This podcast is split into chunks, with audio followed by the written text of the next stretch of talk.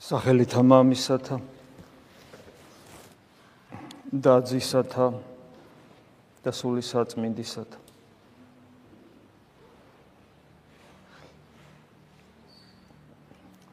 მუდამ უნდა ვახსენოთ საკუთარ თავს რას ნიშნავს იმის რომ ჩვენ ქრისტიანები ვართ. ხშირად გვითქვევს რომ დაიწყება ეს ერთ-ერთი ერთ-ერთი გამოხატული ნიშანია თვისება დაცემული ადამიანური ადამიანის დაცემული ბუნების. და ეს დაიწყება თუ რა არის არსი ჩვენი სულიერი ცხოვრებისა.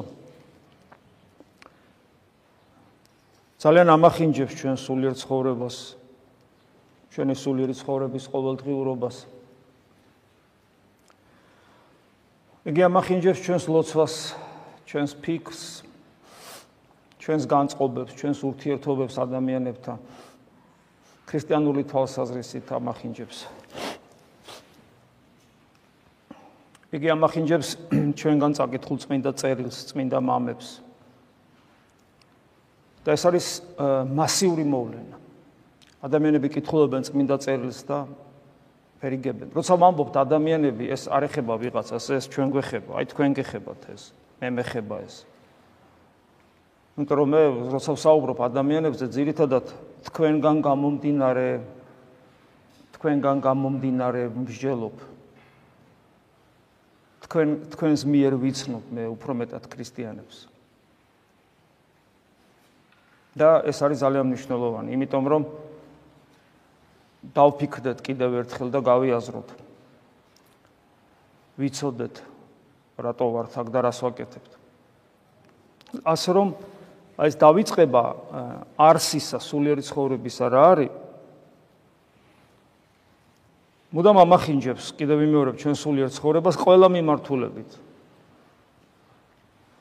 ამიტომაც აი დღეს პავლე მოციქულთან აღმოკითხული ეს კორინთელთა პირველი პირველი ეპისტოლია სიტყვები მე ვფიქრობ ჩვენთვის საგულისხმოა და სასარგებლო. აი პავლე მოციქული ესე ამბობს, კორინთელებს ესაუბრება.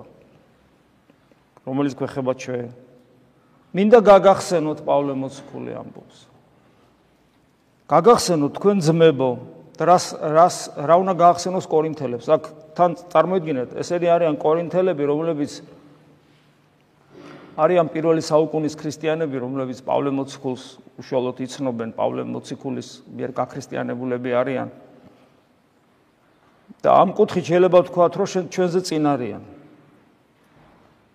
მინდა გაგახსენოთ თქვენ ძმებო, სახარება, რომელიც სახარება, რომელიც გახარეთ. ანუ პავლე მოციქული მათ ეუბნება, რომ მე გახსენოთ იმას, რაც მე რაც მე რაც მე თქვენ გახარეთ. რომელიც მიიღეთ კიდეც არა მარტო გახარეთ, არამედ მიიღეთ. დიახ, ჩვენ ესეა. ჩვენ გვახარა სახარება, ჩვენ მოვეკეცით, მივიღეთ. რომელზედაც დგახართ და ანუ შესაბამისად ცხოვრობთ და ჩვენ ცხოვრობთ შესაბამისად. მივიღეთ, გავიგეთ, მივიღეთ, შესაბამის ცხოვრება დავიწყეთ. რომლითაც გადარჩებით კიდეც და ჩვენ უნდა გადარჩეთ კიდეც და ანუ ვცხონდა და ამის ამისთვის ვართ აქ. და შემდეგ აგზელებს თუ თუ. ნახეთ ამდენი თქვა ამდენი ისაუბრა და მე ბოლოს. თუ. დაიცავ სიტყვას რომელიც მე გახარე. დავფიქრდეთ უნდა.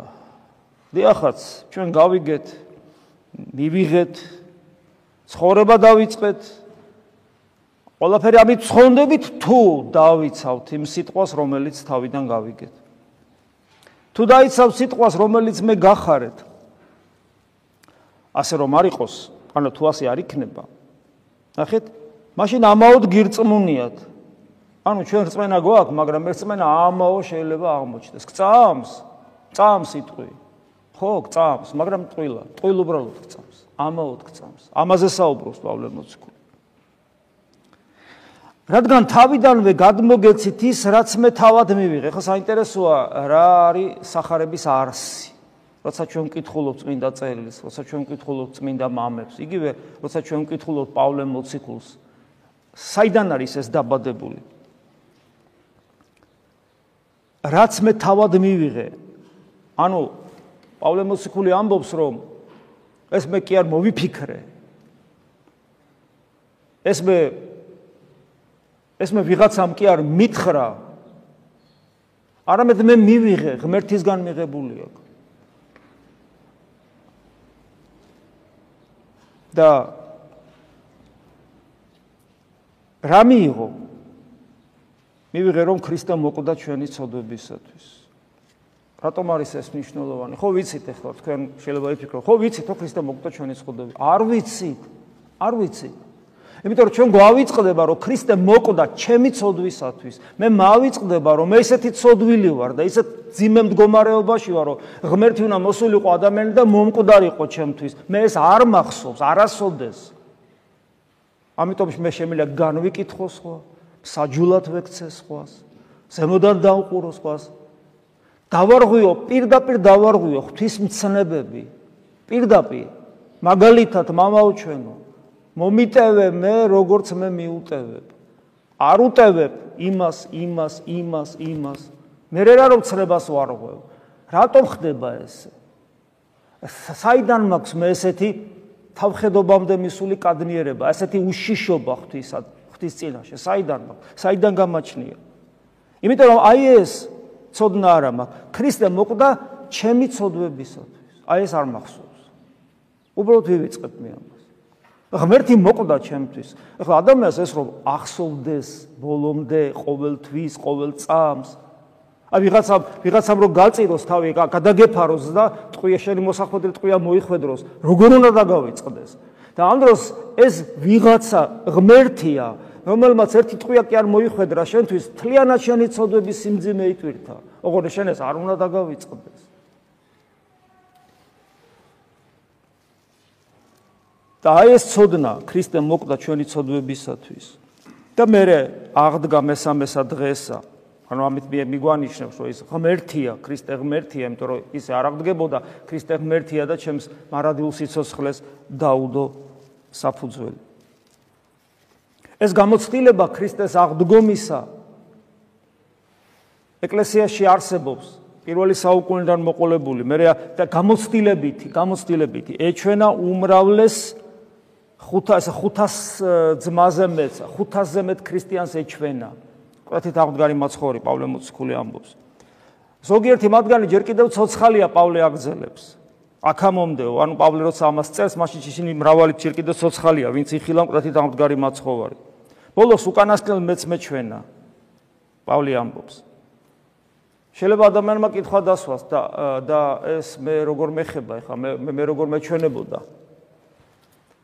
და მე გითხარით სიმონ ახალი ღვთისმოწყლის სიტყვები ზუსტად წინა თუ რამდენიმე დღის წინ ესე ქადაგებისას რომ ჩვენ როცა გვესმის და დღესაც გავიგებთ ზიარების შემდგომ გავიგებთ სიტყვებს რომ აღდგომა ქრისტესი ვიხილეთ ეს სიტყვები როგორც სიმონ ახალი ღვთისმოწყალი ამბობს სანამ ჩვენთვის მეტაფორა იქნება ან რაღაცა პოეტური შედევრი მოდი ესე ვთქვათ რაღაცა საფთი ლამაზი საფთისმოწყალო თეზისი მანამდე ჩვენ ქრისტიანები არა ვართ. სანამ არ ვიხილავთ ყდრეთით აღმდგარ ქრისტეს ჩვენში, მანამდე ჯერ ჩვენ ქრისტიანები არა ვართ.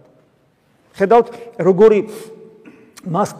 მასტიმულირებელი სიტყვებია ეს, როგორი როგორ мотиваციას გვიჩენს, რომ არ მოვდუნდეთ, არ მოვეშვათ, არ არ ვიფიქროთ, რომ აი ჩვენ უკვე ქრისტიანები ვართ, სანამ არ იხილავ შენში ყდრთით აღდგარ მაცხოვარს. მანამდე ჯერ შენ არ ახარ ის ქრისტიანი, ვინც უნდა იყოს ქრისტიანი, არ შეიძლება სხვანაირი ქრისტიანობა არ არსებობს. აღდგომა ქრისტესი უნდა ვიხილოთ ჩვენში შემოდის ყოველი ზიარების დროს ყდრთით აღდგარი მაცხოვარი და ჩვენ როცა მას ვერ ვხედავთ, ეს ნიშნავს, რომ ჩვენ არ გვაქვს მოდუნების შესაძლებლობა და სანამ ცოცხლები ვართ ხორცში, მანამდე უნდა ვიღვაწოთ, ვიშრომოთ, ვიფიქროთ, მუდამ, აი როგორც პავლე მოციქული ამბობს, ძალითი ძალათ უნდა შრომობდეთ, რომ კონდეს შესაძლებლობა წარმატებისა დიდებითი დიდებად ისა პავლე მოციქულის სიტყვებია ეს.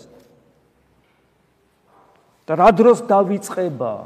რა დროს დავიწყება? და ჩვენ ვივიწყებთ რატო ვივიწყებთ იმიტომ რომ მოდუნებულები ვართ სულიერ ცხოვრებაში თვითკმაყოფილებაში ვარდებით და არაფრით განსხვავდებით ურწმუნო ადამიანებისაგან.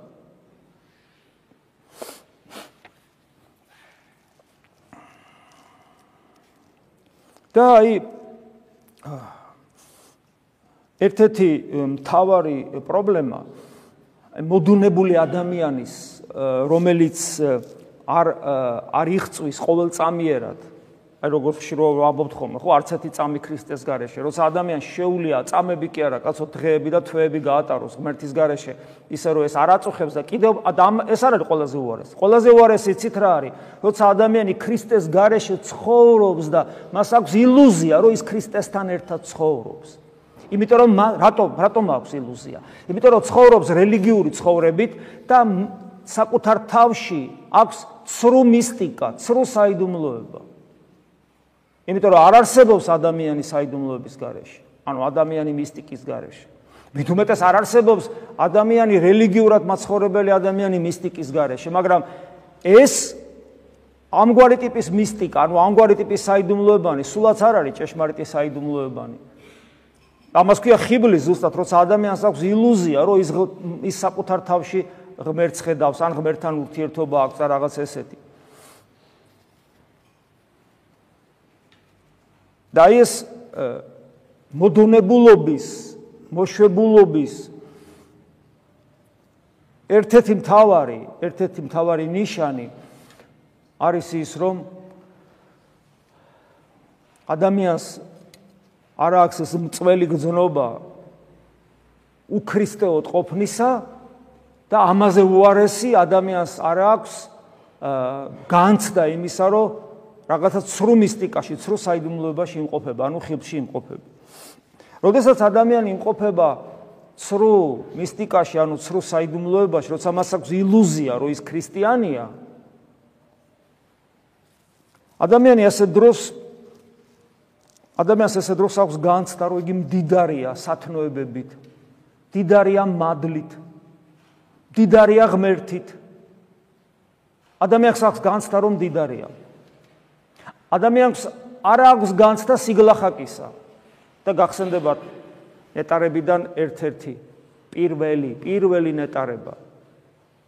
ნეტარიყვნენ გლახაკნის სულით რამე თუ მათი არსასუფეველიცათა არ არის შემთხვევითი რომ ნეტარებები რომელიც ქრისტეს სადმი მოწამეობრივი სიყვარულით და სრულდება იწება სწორედ სულის სიგლახაკით რომელიც სხვა არაფერია თუ არა სიმდაბლე. ხოლო სიმდაბლე სხვა არაფერი თუ სიმდაბლე ბევრი რამეა უფრო სწორედ, მაგრამ ერთ-ერთი რაც არის სიმდაბლე, ეს არის საკუთარი თავის ადეკვატური აღქმა. როცა ადამიანს არ არ ექმნება, როცა ადამიანი არ ტყილდება დემონური ხიბლით, რომ მას თქვათ მას მას ქრისტე ყავს ან რაღაც ესეთი, ზუსტად აღიქვავს საკუთარ თავს. საკუთარი თავის ადეკვატური აღქმელია კიდევ ერთხელ ვიმეორებ. აი დღეს გახსოვთ დიდარი ჭაბუკი რომ მივიდა. და უფალი ეუბნება რომ გამომყევი. ჯერ ცნებების აღსრულებაზე მიანიშნებს. აღმოჩნდა რომ ყველა ცნებებს რასაც გარეგანი ზნეობრივი ცნებები ქვია და გარეგანი ერთგულება საფრთხო ღმერთის ამ გარეგანი ცნებებით ყველაფერს ასრულებს. მაგრამ უფალი ეუბნება რომ უნდა გამომყვე მთავარი გამომყვე. და დატოვო შენი სიმდიდრე და გამომყვე და ეს ეს დიდარი ჭაბუკი არ მიყვება. დიდარი ჭაბუკი არ მიყვება და შემდეგ უფალი ამბობს ძალიან ნიშნულოვან სიტყვებს, რომელიც ჩვენ ვიცით და კიდევ ერთხელ მინდა რომ გავიმეოროთ. ქრისტეს სიტყვებია: უადვილეს არს აკლემი განსვლად ხრელსა ნემსისასა, ვიდრე მდიდარი შესვლად სასუფეველსა ცათასა. და იმე რო გითხარით თავში რომ ადამიანებს ადამიანები ანუ ჩვენ ადამიანები რა ჩვენ ჩვენი ეს ღვთის დავიწყება ვლინდება იმაშიც რომ ჩვენ ვამახინჯებთ წმინდა წერილს. რა თქმა უნდა ამის სიტყვის გაგება პირდაპირად შეიძლება მაგრამ საინტერესო ის არის რომ ერთია რა შეიძლება და მეორეა როგორ განიმარტება სულიწმინდა სულიწმინდით გამზობილი მამების მიერ ეს ადგილი. აი მაგალითად იონე ოქროპირი სქადაგებებს ვინც იცნობს იონე ოქროპირი არის ერთ-ერთი აი როგორ გითხრათ მძაფრი მამხილებელი სიმდიდრეში და ფუფუნებაში მცხოვრები ადამიანების. ადამიანი რომელიც რომელიც რომელიც არ უყვარდა ერთ-ერთი მიზეზი რის გამოც იონე ოქროპირი არ უყვარდათ იყო ის რომ მას მას ჰქონდა ეს სიმდიდრის მიმართ რაღაც ცუდი განწყობა ჰქონდა და თვლიდა რომ ის მდიდარი ადამიანები ფუფუნებაში ყოფი ადამიანები არასწორად ცხოვრობდნენ და სულ მუდამ მოუწოდებდა მათ ქველმოქმედებისაკენ და თვითონაც ერიდებოდა აი ამ ყოველგვარ ფუფუნებას და ასე შემდეგ. მით უმეტეს სამეფო კარის წარმოედგინე ის ვინ იყო ხო? პატრიარქის თანამდებობა ქონა, მთავარ ეპისკოპოსი კონსტანტინოპოლისა, მთავარი საყდარი იყო ბიზანტიაში. მაგრამ აი სწორედ ასეთი იონოქროპირი პირდაპირ როცა ამ ადგილის განმარტებას იწყებს, პირდაპირ მიგონის რომ ფიზიკურ სიმდიდრეზე საუბარი არ არის. და პირდაპირ ამბობს, რომ ფიზიკური სიმდიდრე თავისთავად ცოდვასულად არ არის. ეს შეიძლება იყოს ნიჭი ადამიანისათვის, ღვთისაგან მიცემული, რომელი რომელი ნიჭითაც ის უამრავ სიკეთეს აკეთებს. პირდაპირ ხას უსვავს, რომ ჩვენ არ გვეგონოს, რომ ჩვენ ხომ დიდრები არა ვარ და ნუ ეს დიდრებზია, მე არ მეხება. აი ეს ეს ეს ნემსის ხრელი და ეს აკლემი მე არ მეხება. ეს დიდრებზია საუბარი, ჩვენ რამ დიდრები ვართ. და აღმოჩნდა, რომ არ არის მასე მარტივად საქმე. აქ საუბარი არ არის ზუსტად იმაზე, სიმდიდრეზე. და აქ საუბარია დიდარ ადამიანზე თავისი სათნოებებით ჭყალებში უკვე. როცა ადამიანს აქვს ილუზია, ილუზია რომ ის კარგია, როცა ამას აქვს ილუზია რომ ის სათნოებებით ცხოვრობს და ყველაზე საშინელება როცა ამას აქვს ილუზია რომ ის ღმერთთან ერთობაშია. აი ასე დიდარ ადამიანზეა საუბარი და ასეთი ადამიანის თავარი გამოხატულება რა არის? ასეთი გამოვლინება, როცა ის აი ესე თავის თავს ესე ატყილებს, ცრუ მისტიკაში იმყოფება. ესეთი ადამიანის თავარი გამოხატულება არის ამაყი და ამპარტავანი ადამიანი. ანუ მდიდარი ამ შემთხვევაში, რომელიც აკლემი უფრო ადვილად რო გაძრობა ნემსის ხრელში, ვიდრე მდიდარი შევასასუფოველში, ეს მდიდარი არის ამაყი და ამპარტავანი ადამიანი. და ჩვენ ხშირად ვამბობთ, რომ ერთ-ერთი ყველაზე მთავარი პრობლემა ის, რომ ადამიანები ქრისტესთან ვერ მიდიან. არა მარტო ეკლესიის გარეთ ყოფი ურწმუნოები, არამედ ეკლესიაში ყოფი მორწმუნენის, რომ ღმერთთან ვერ მიდიან და მათი გული უფლისათვის არ იხსნება და წლობი, წლობით სულიერი ცხოვრების მერე ისინი მაინც ვერ ვერ ვერ ყალიბდებიან როგორც ქრისტიანები, ეს არის სიმდიდრე, ანუ სიამაყე, ანუ არა აქვთ მათ სიგლახაკე სულის.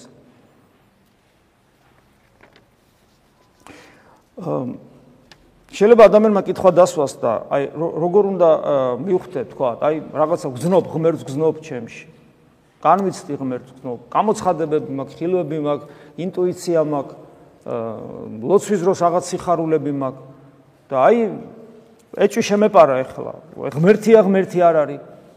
ჩვენი გამოცდილების ნაკლებობა სულიერ ცხოვრებაში უკვე აქედან გამომდინარე გონიერება უნდა გავალდებულებდეს რომ რადგან გამოცდილება ნაკლები გვაქვს როცა ჩვენ გვაქვს პირადი გამოცდილება ღმერთთან ერთობისა და ეს აუცილებელი ადამიანს კონდეს კიდევ ვიმეორებ რადგან ჩვენ ნაკლები გამოცდილება გვაქვს და ჩვენ სულიერ სკოლაში არ აღვზდილვათ უნდა ვიკითხოთ და არ უნდა ვენდოთ საკუთარ თავს.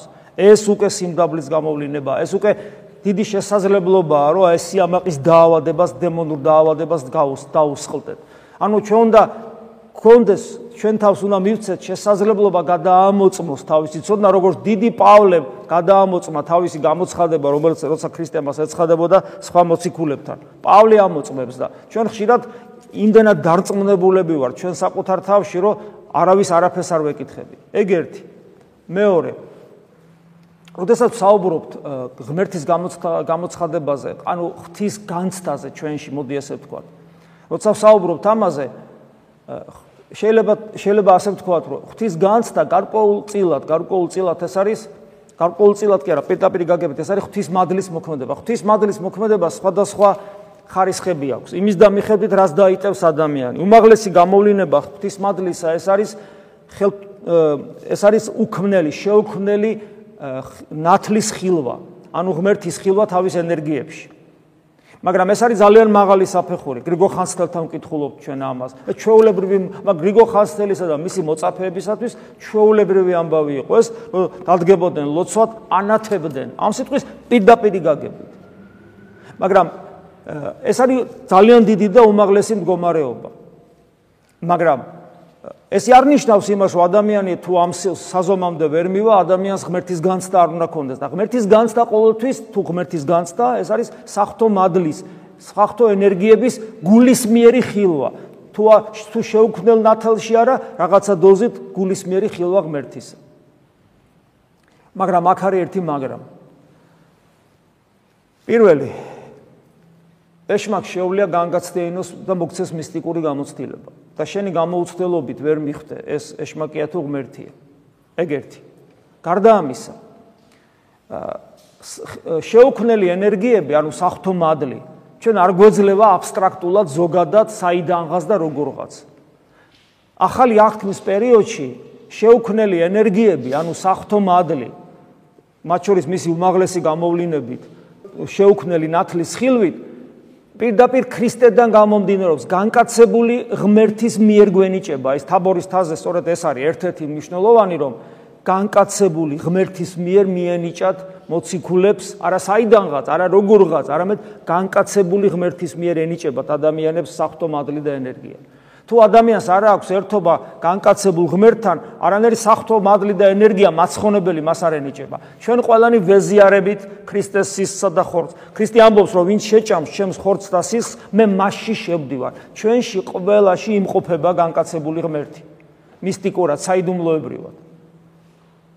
შესაბამისად თუ ჩვენ გვაქვს გამოცდილება საფრთხო მადლისა და ენერგიისა, არა იმ საზომით, რაც გრიგო ხასტელთან იყო, არამედ პატარა საზომით რომ ღმერთის განცდა გქონდეს, თუ ეს განცდა გვაქვს, ეს აუცილებლად აუცილებლად ქრისტედან გამომდინარე უნდა იყოს და არა რაღაც ზოგადად აბსტრაქტულად.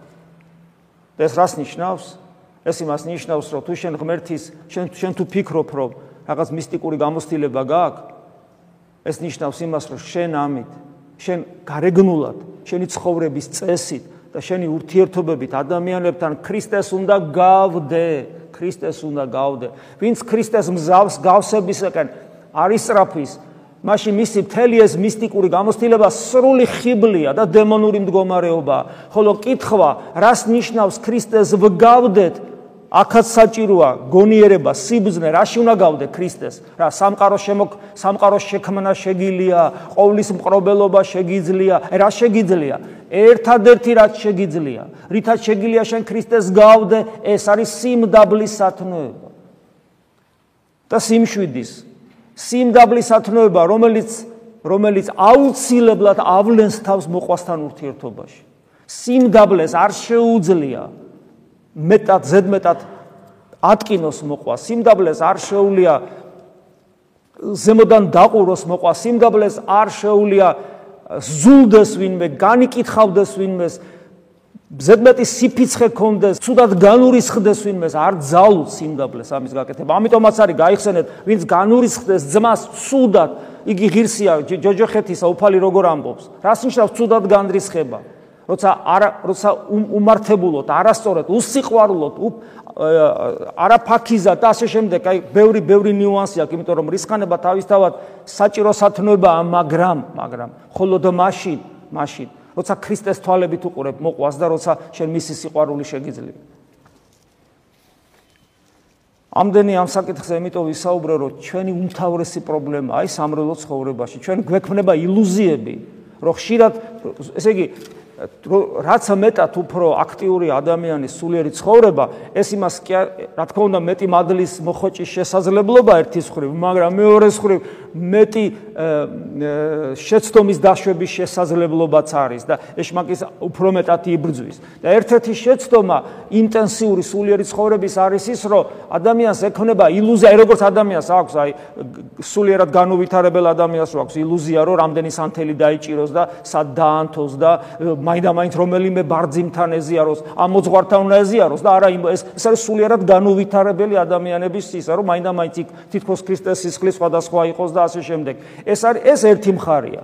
მაგრამ თუ ადამიანს აქვს პრეტენზია, რომ სულიერად ვითარდება, ბრძოლები კი არ წყდება. მაგალითად ადამიანს ადამიან როგორც იმას გონია რომ სანთელი რამდენი დაათოს და სადაანთოს და ვისთან ეზიაროს და რამდენ ტაზარი მოილოცოს და ასე შემდეგ რომ გონია რომ ეგ არის ქრისტიანობა და ეგ არის მადლის მოხოჭის უეჭველი გზა.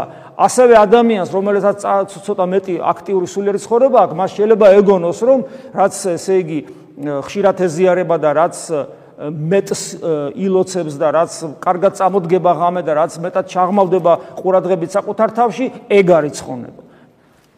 სანთლის დანცებაც კარგია და ხშირი ზიარებაც კარგია და გონების მიერი ლოცვა ხო აუცილებელზე აუცილებელია, მაგრამ თავისთავად ცალ-ცალკე აქ და ეს როგორც მარხვა და ყველა სხვა ღვაწლი და კითხვა წმინდა მამებისა, წმინდა წერილისა და შემდეგ, მაგრამ თავისთავად ცალკე აღებული არც ერთი ღვაწლი, ცალკე აღებული არც ერთი ღვაწლი არ არის მაცხოვნებელი თუ არ განიხილება ქრისტეს მსგავსების კონტექსში, რომ ჩვენ ქრისტეს უნდა სიმდაბლეში ვემსგავსებოდეთ. ამიტომ თუ ჩვენ ქრისტეს არ ვემსგავსებით, იმ უპირატეს სათნოებაში, რომელიც მოიტანა და გვითხრა, რომ ჩემგან ისწავლებ შვიდვარდან დაბალგულითა, ყველაფერი წყალში ჩაყრილია ჩვენ. აბსოლუტურად ყველაფერი. და ეშმაკი გვატყვილებს და გვცინის. და ჩვენგან არაფერი არ გამოვა. აი ამაშია საქმე.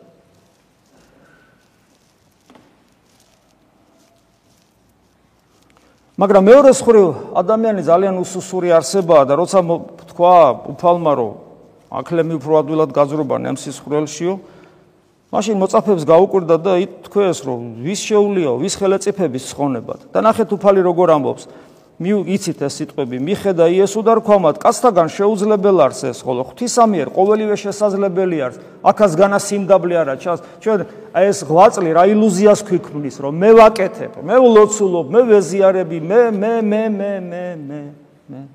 არა შენ არ გამოგიო. რაც არ ნაკეთო არაფერი არ გამოგიო. მხოლოდ ღმერთის მიერ არის შესაძლებელი და ამაზე ხშირად გცემთ ხოლმე პასუხს თუ ადამიანი იფიქრებს აბა მე რატო ვაკეთებ აბა მე მე მე მე რატო ვაკეთებ? თუ თუ მხოლოდ ღმერთზია დამოკიდებული, მე იმიტომ ვაკეთებ. იმიტომ ვეზიარები ხშირად, იმიტომ მინდა ლოცვა, იმიტომ მინდა რომ არ დავიძინო, იმიტომ მინდა რომ ვიკითხო, იმიტომ მინდა რომ ვიფიქრო, რომ სხვანაირად არ შემიძლია. არ რა შეგიძლია ადამიანი იკითხავს? ქრისტეს გარეშე ყოფნა არ შემიძლია. ჩვენ არ უნდა შეგვეძლოს ქრისტეს გარეშე ყოფნა. ჩვენ სანამ არ ვიხილავთ, ვერ უნდა მოვისვენო და რადგან ვერ ვხედავთ, ჩვენი მოსვენება შეუძლებელი უნდა იყოს და მიზეზი ჩვენი ღვაწლის აი ისე ჩვენ არ შეგვიძლია ქრისტეს გარეშე.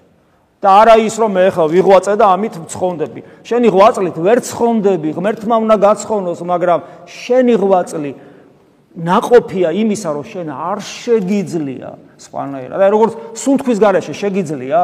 ხო არ შეგილია? აი ასე არ უნდა შეგეძლოს იესოს სახელის მოუკლებელი მოხსენების გარეშე. ისი არ უნდა შეგეძლოს ზიარების გარეშე. ისი არ უნდა შეგეძლოს ესე იგი სახარების გარეშე. ისი არ უნდა შეგეძლოს წმინდა მამების გარეშე. არ უნდა შეგეძლოს. ისი არ უნდა შეგეძლოს რომ მუდამ მოყვასთან ცდილობდე რომ როგორმე როგორმე ქრისტეს მიამსგავსო. შენი გული თუ არა ქმედება და სიტყვა და ინტონაცია მაინც მიამსგავსო. არ უნდა შეგეძლოს ამის გარეშე.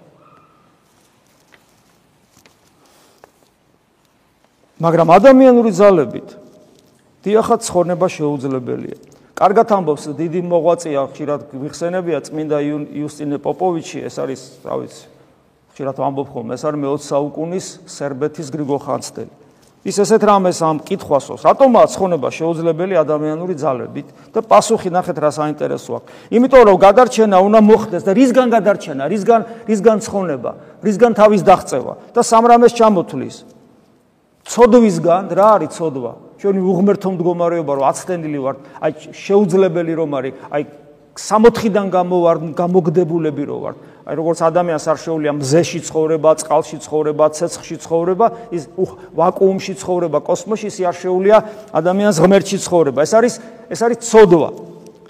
ცოდვისგან გადარჩენა უნდა მოხდეს, სიკვდილისგან გადარჩენა უნდა მოხდეს. ჩვენ ყველანი ვატარებთ სიკვდილს და რას თავარია სულიერ სიკვდილს ღმერთის უხილველობა ეს არის სულიერი სიკვდილი და ეშმაკისაგან გადარჩენა ეშმაკისაგან ეშმაკი ისე გვათამაშებს. აი როგორც კატარო თავს ათამაშებს დარეტიანებულ თავს აი ესე გვათამაშებს. ეშმაკი თან ამას ხშირად ვერ ცხუდებით. და თავარი საყრდენი ეშმაკისა ჩვენში არის ჩვენი მე. მე. ამაზე კიდევ ხშირად გეუბნებით ჩვენ ნებისმიერ ადამიანს, აი ვდგავარ მე, თითოეულ თქვენგანს როგორ ვაფასებ? მე როგორ შემომხედავს, მე როგორ მიყურებს, მე როგორ ესე იგი გამელაპარაკება და ასე შემდეგ. აი ესე გაფასებთ ყველას. სამყაროს ყველა მოვლენას, გლობალურ პოლიტიკას, ყველაფერს ესე ვაფასებ, ეს მე მე ჩემთან დაკავშირებით როგორ არის და ღმერთსაც ესე ვაფასებ. ეს არის ყველა ადამიანის დაავადება, ეს არის ეგოიზმი, ეს არის სიამაყე, ეს არის ამპარტავნება. ეს ყველას გვჭირს. ამისგან თუ არ გათავისუფლდებით, ვერ ცხონდებით, იმიტომ რომ უფალი გეუნებათ, რომ აი ეს ეს უბედურება, რომ თითოეული თქვენგანი სხვას აფასებს იმის მიხედვით თქვენ როგორ გეკცევათ და როგორ გიყურებთ ეს არის ის უბედურება რომელსაც უფალი გეუნება. თუ არ წარწყმიდე ეს და თუ უარყავი ეს და ესე არ გამომყვები ვერ ცხონდები ჩვენ ხო ამას არ ვაკეთებ ჩვენ მაინც ჩვენ აი ასე შემომხედა ესე მითხრა ეს ეს ესე მომექცა ესე დაწერა ჩემზე სადღაც და სულ ესე არ ვაკეთებ. ვერ ცხონდებით წარი ვინც არ წარიწყმიდოს აი ესეთი თავი და არ შემომიდგეს მე ასეთ ასეთი უარ თავის უარყოფის მერე. იგი არ არის ჩემი ღირსი ქრისტიანი და ამიტომ ადამიანს არ შეუძლია ეშმაკი ამით ამით სარგებლობს. ადამიანური ძალებს აღემატება რა თქმა უნდა ცხონება და მთლიანად ღმერთზეა დამოკიდებული ფაქტობრივად ჩვენი გადარჩენა. და ამ სამი ძალით რო ვარ შეყობილი იმის გამო და შესაბამისად ეს ადამიანს ადეკვატურ აღქმას აცილებს. სამყაროსი, აღერც სამყაროს აღიქვავს ადეკვატურად, არც ვერც საკუთარ თავს, იმიტომ რომ ორიენტირი არ გაგვაჩნია. ერთადერთი გამოსავალი ამ სიტუაციაში ღმერთკაცის შეცნობა, ისე ვიქმნივდივარ, იესო ქრისტე რომ არის ადამიანი და ღმერთი, ეს ბოლომდე გავაცნობიერო, რას ნიშნავს? და გავაცნობიერო ერთ-ერთი ღვთისმოწყალე სიტყვები რო გითხარი, ჩვენ მიწაზე კი დავდივართ, დავდივართ, მაგრამ თავით უკვე ზეცაში ვარ, ჩვენ ზეცის მოქალაქეები ვარ და ზეცის მოქალაქეობა ეს არის აბსოლუტურად სხვა ტიპის ყოფიერება და სხვა ტიპის არსებობა, რომელიც რომელსაც შეიძლება თქვას, რომ თითქმის კავშირი არ აქვს ამ ქვეყნიურ ყოფასთან და არსებობასთან. აი ეს სამი ძალა, როგორც გითხარით, ცოდვა, რომელიც თელია ეს სისავსია ვნებებისა, სიამეთ მოყარეობისა, პატივმოყარეობისა, მომხოჭელობისა, ну, სიკვდილი, ანუ ღმერთის ფიზიკურ სიკვდილზე არ ვსაუბრობ. ღმერთის დაუნახაობის, ღმერთის უხილველობის მდგომარეობა და ეშმაკის ეს ძლიერი მოქმედება ჩემზე მაცდურად, ეს ყველაფერი ხელს გვიშლის ლოცვაშიც და ზიარებაშიც, ამიტომ ჩვენ ლოცულობთ თითქოს, მაგრამ ვერ არ ლოცულობთ, და ზიარებით, მაგრამ სინამდვილეში არ ვეზიარებით. ერთადერთი ძალა, რითაც ჩვენ ამით ამასოფლის სულს და ამ ყოველივე შეგვიძლია გავემიჯნოთ ისევ და ისევ. ეს არის სიმდაბლის სათნოება. ხოლო სიმდაბლის საზომი ეს არის მორჩილება, მოყვასის განუკითხველობა და მიმტევებლობა. მორჩილება მათ შორის ღვთის განგებულების მორჩილება, როდესაც ადამიანი არ წუწუნებს, არასოდეს არ წუწუნებს და მაქსიმალურად ცდილობს, რომ ყოველთვის მადლიერი იყოს. შეგვეციოს უფალი და კიდევ ერთხელ მადლობა უფალს რომ წმინდა წერილი დაგვიტოვა თავის განგებულებით და წმინდა წერილი კიდევ ვიმეორებ გვაფხიზლებს სილას გაგვაწნავს ციცყალს გვასხავს და კომფორტის ზონიდან გამოვყავართ ყოველთვის როდესაც წმინდა წერილის ჩაუღმავდებით ყოველთვის შეგაჯანჯღარებს და გამოგიყვარს კომფორტის ზონიდან. და კიდევ ერთი რაც მინდა გითხრა და ამით დავასრულებ იყავით გულწრფელნი სინანულის დროს. ნუ იქნებით ზედაპირული, როცა ახსარებაზე მოდიხართ. ნუ იწყებთ წუწუნს, ჭორაობას, ხების განკითხვას და საერთოდ რაღაც უცნაურ თემებზე საუბრობთ და რაღაც რაღაც რაღაც ისეთ ისტორიებს ნუყვებით, რომელიც საერთოდ დროს მაკარგინებს და მე ამდენი დრო უბრალოდ არ ამაქვს. იყავით გულწრფელნი, მრავალი ადამიანი, ის ეზიარება აქვს. მე ამას ვამბობ ზოგადად, არასახელდებით. და შეიძლება ერთიაძე რო ხვდებით, მაშინაც არ გეუნებით, იმიტომ რომ რა აზრი აქვს მე თქვენ გითხრათ, რაიმე პრობლემა რომელიც თქვენში არის, თუ თქვენ ამას არ მეტყვით. მრავალი ადამიანი ეზიარება აქვს ისე, რომლის ზიარ, რომელთა ზიარება საერთოდ არ შეიძლება. უბრალოდ ნომინალურად, ნუ, ქვებს არის ის. მაგრამ შინაგანად აქვს მდგომარეობა, პირველ რიგში პარალელური ცხოვრება იმ ცხოვრებისა, რასაც აი აქ რო დგას ადამიანი, ეს ერთია, ამის პარალელური ცხოვრება აქვს მრავალ თქვენგანს. რომელიც ესე იგი ჯობი არ დაინახო. და ეს ცხოვრება იმდენად სიამოვნებს და უყვარს ეს თავისი ეგოისტური მრისხანებითი განკითხვითი უსიყვარულო სხვების შემძულებელი ცხოვრება იმდენად უყვარს რომ არელევიან არც ახსარებაში ამბობენ ცოდვათაც კი აღარ უთვლიან საკუთარ თავს და რაღაც რელიგიურ ცხოვრებას მისდევენ, რომელიც მათთვის არაქრისტიანული ცხოვრება არის, არამედ რაღაცა რაღაცა მაგიურ რიტუალად არის გადაქცეული. ამიტომ შედეგი არის ნულოვანი, ამიტომ ძალიან გთხოვთ.